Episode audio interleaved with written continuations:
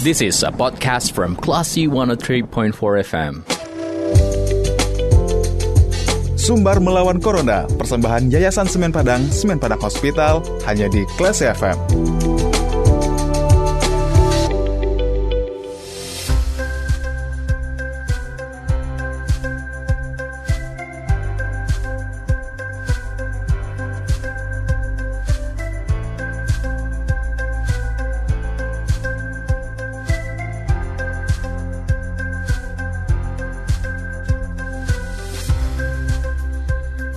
For Class FM, this is the actual radio Classy People. Saatnya Anda mencermati sumber melawan Corona, persembahan Yayasan Semen Padang dan Semen Padang Hospital.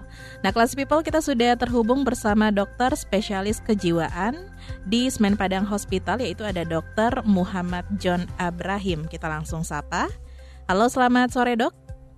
Ya, selamat sore, Classy FM. Iya, selamat sore dokter. Kita akan ngobrol mengenai bagaimana jika dinyatakan positif COVID atau memperlakukan orang terdekat yang terpapar COVID ya dok ya. Oke, iya. Oke, saat ini pasca lebaran orang yang terpapar itu cukup tinggi di Sumatera Barat. Nah, gimana nih dok jika kita dinyatakan positif COVID-19? Nah, apa yang harus dipersiapkan pasien yang terpapar? Iya, jadi kalau kita harus membedakan juga apakah memang isolasi mandiri orang tanpa gejala ataukah juga memang yang uh, dirawat di misalnya di apa di rumah sakit ya untuk uh, COVID-nya. Nah kalau sekarang ini kan ibaratnya uh, eh, OTG ya memang sangat banyak sekali yeah. yang tanpa gejala dan memang ini juga apa menjadi perhatian khusus apa di dalam menyikapinya. Mm-hmm. Jadi misalnya kalau kita membanding-bandingkan Misalnya di awal 2020 ketika COVID-19 mulai bergejolak, eh, semua orang menjadi panik. Waduh, tetangga saya kena ini. Waduh, saudara saya kena. Kemudian menjadi panik dan akhirnya menciptakan suatu alarm di kepalanya. Wah, ini ancaman. Nah, seperti itu.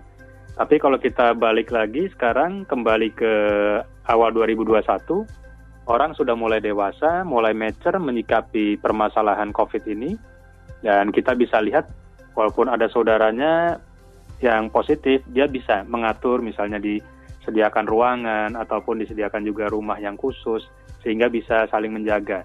Bukan lagi menghakimi bahwa COVID ini suatu apa ya ibaratnya ancaman yang ditindaki oleh perbuatan yang bersifat panik, yeah. panik attack.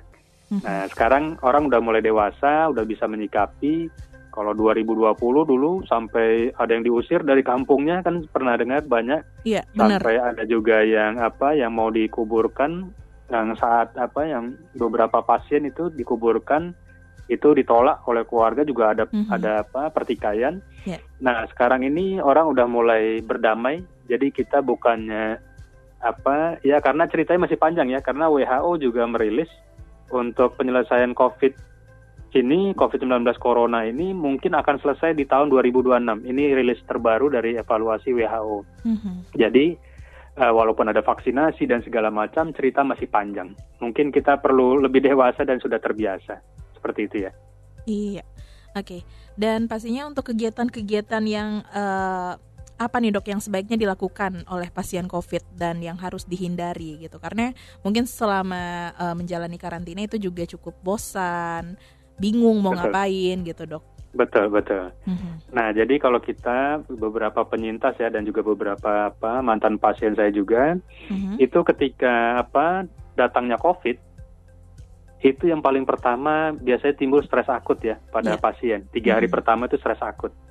Jadi kalau stres akut itu nanti kortisol, hormon stres itu keluar banyak, akhirnya dia menjadi anenergi, kemudian menjadi malas dan segala macam. Mm-hmm. Dan kemudian nanti apabila dia tidak bisa menyikapi daripada COVID-19 ini sendiri, pasien ini, mm-hmm. itu pasien saya akan mengalami ketika sudah memasuki apa e, rentang dua minggu dia mengalami COVID, itu akan masuk tahapan depresi. Nah setelah itu apabila dia juga tidak bisa mengatasi dari apa e, coping mekanismenya terhadap e, COVID-19 ini, pasien itu akan mengalami pada tiga bulan pertama adalah gangguan penyesuaian. Nah, gangguan penyesuaian dan akhirnya bisa juga nanti timbul PTSD kalau misalnya sampai padahal udah selesai, udah dinyatakan negatif, tapi dia bisa juga dalam menyikapinya enam bulan terakhir Mhm. dia menimbulkan post traumatic stress disorder.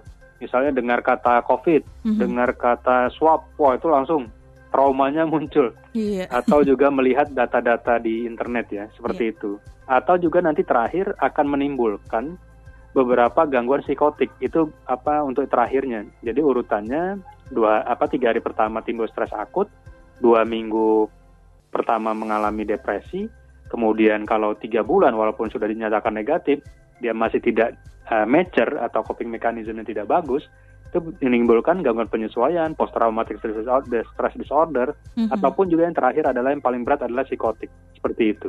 Nah jadi kita harus eh, bisa menyikapi nih, jangan sampai kita masuk tahapan-tahapan itu. Jadi pasien-pasien bisa melakukan beberapa hal, misalnya lakukan distraksi aja. Misalnya kalau di apa di rumah sakit memang ruangan kecil, kadang-kadang ada bagian juga di rumah sakit pakai jeruji dan segala macam Mhm. lakukan distraksi misalnya lakukan namanya mindfulness di dalam teori apa teori kesehatan jiwa mindfulness bisa atau lakukan sebagai muslim juga bisa kontemplasi dengan kita berzikir Mhm. kemudian juga kita apa untuk agama-agama lain bisa melakukan ataupun juga biasa saya sarankan kepada pasien yang memang tidak terlalu berbaring di tempat apa tempat tidur Mhm. itu dia apa berjalan di tempat minimal 15 menit pagi dan sore hari Oke. sehingga dia bisa juga apa menjaga kesehatan jantungnya kemudian dia juga bisa lebih apa ya menunggu sambil hasilnya negatif dia daya tahan tubuhnya tetap meningkat seperti itu Oke, dan mungkin kalau eh, stresnya terlalu dipikirkan, itu juga bisa membawa eh, penyakit lain nanti ya dok ya? Iya daya tahan tubuhnya akan menurun Iya, imunitas itu secara otomatis Mhm. Oke, baik. Lalu bagaimana dok dengan sikap yang sebaiknya dilakukan oleh orang-orang terdekat nih dok, seperti keluarga, teman, kalau ada yang terpapar COVID? jadi sekarang orang udah mulai dewasa kalau dulu ya awal 2020 itu sebagai ancaman sebagai musuh kalau perlu tidak boleh ada di kampungnya pulang-pulang Mhm. Nah itu yang memang di awal 2020 ya. Iya. Kalau yang sekarang orang lebih merangkul karena mereka berpikir ini cerita COVID ini sampai 2026 revisi terbaru kan masih Mhm. lama. Iya.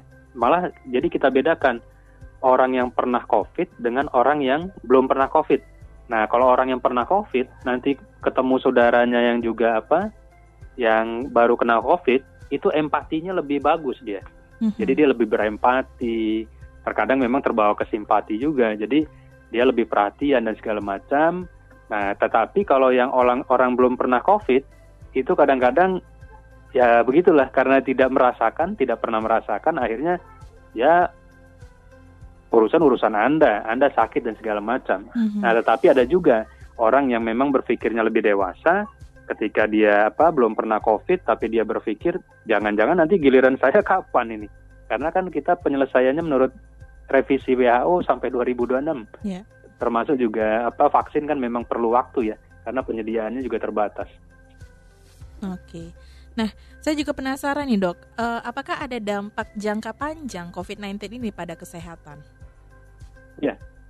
Kalau kesehatan jiwa memang ini mempengaruhi sekali karena yang saya uh, bilang dulu-dulu pada acara sebelumnya itu multidimensi.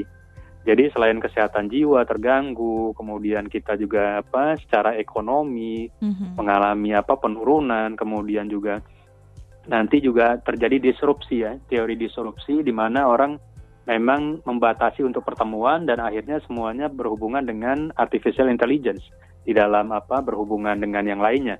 Nah, sekarang kita memang melihatnya sekarang orang harus mempersiapkan diri terhadap disrupsi yang dipercepat oleh adanya corona ini.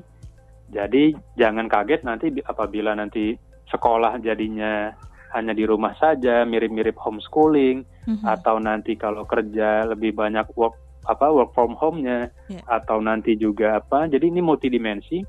Jadi selain kesehatan kita berpengaruh, kita juga berpengaruh kepada aktivitas. Nah, sekarang kita mempersiapkan diri terhadap adanya disrupsi ini. Jadi jangan sampai kita menjadi korban disrupsi. Jadi karena disrupsi ini dipercepat oleh karena corona.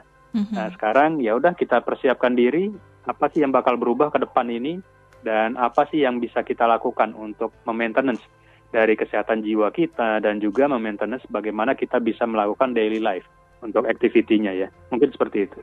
Oke, baik.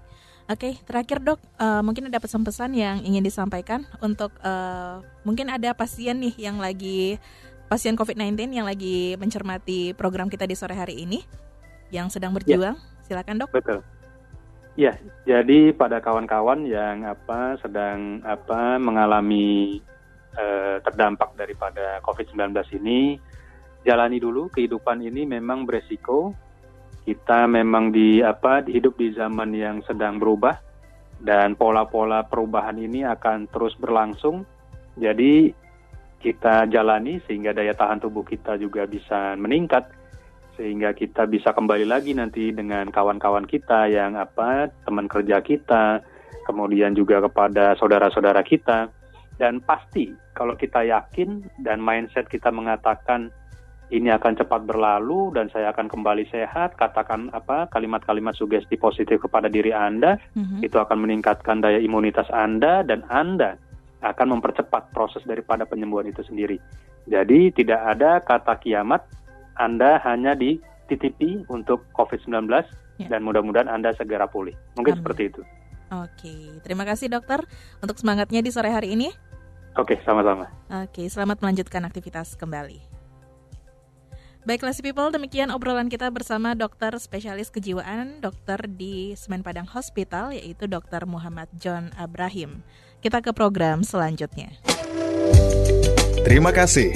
Anda sudah mencermati program Sumber Melawan Corona, persembahan Yayasan Semen Padang, Semen Padang Hospital. Anda juga bisa mencermati podcast obrolan ini di www.classfm.co.id atau download aplikasi Class FM.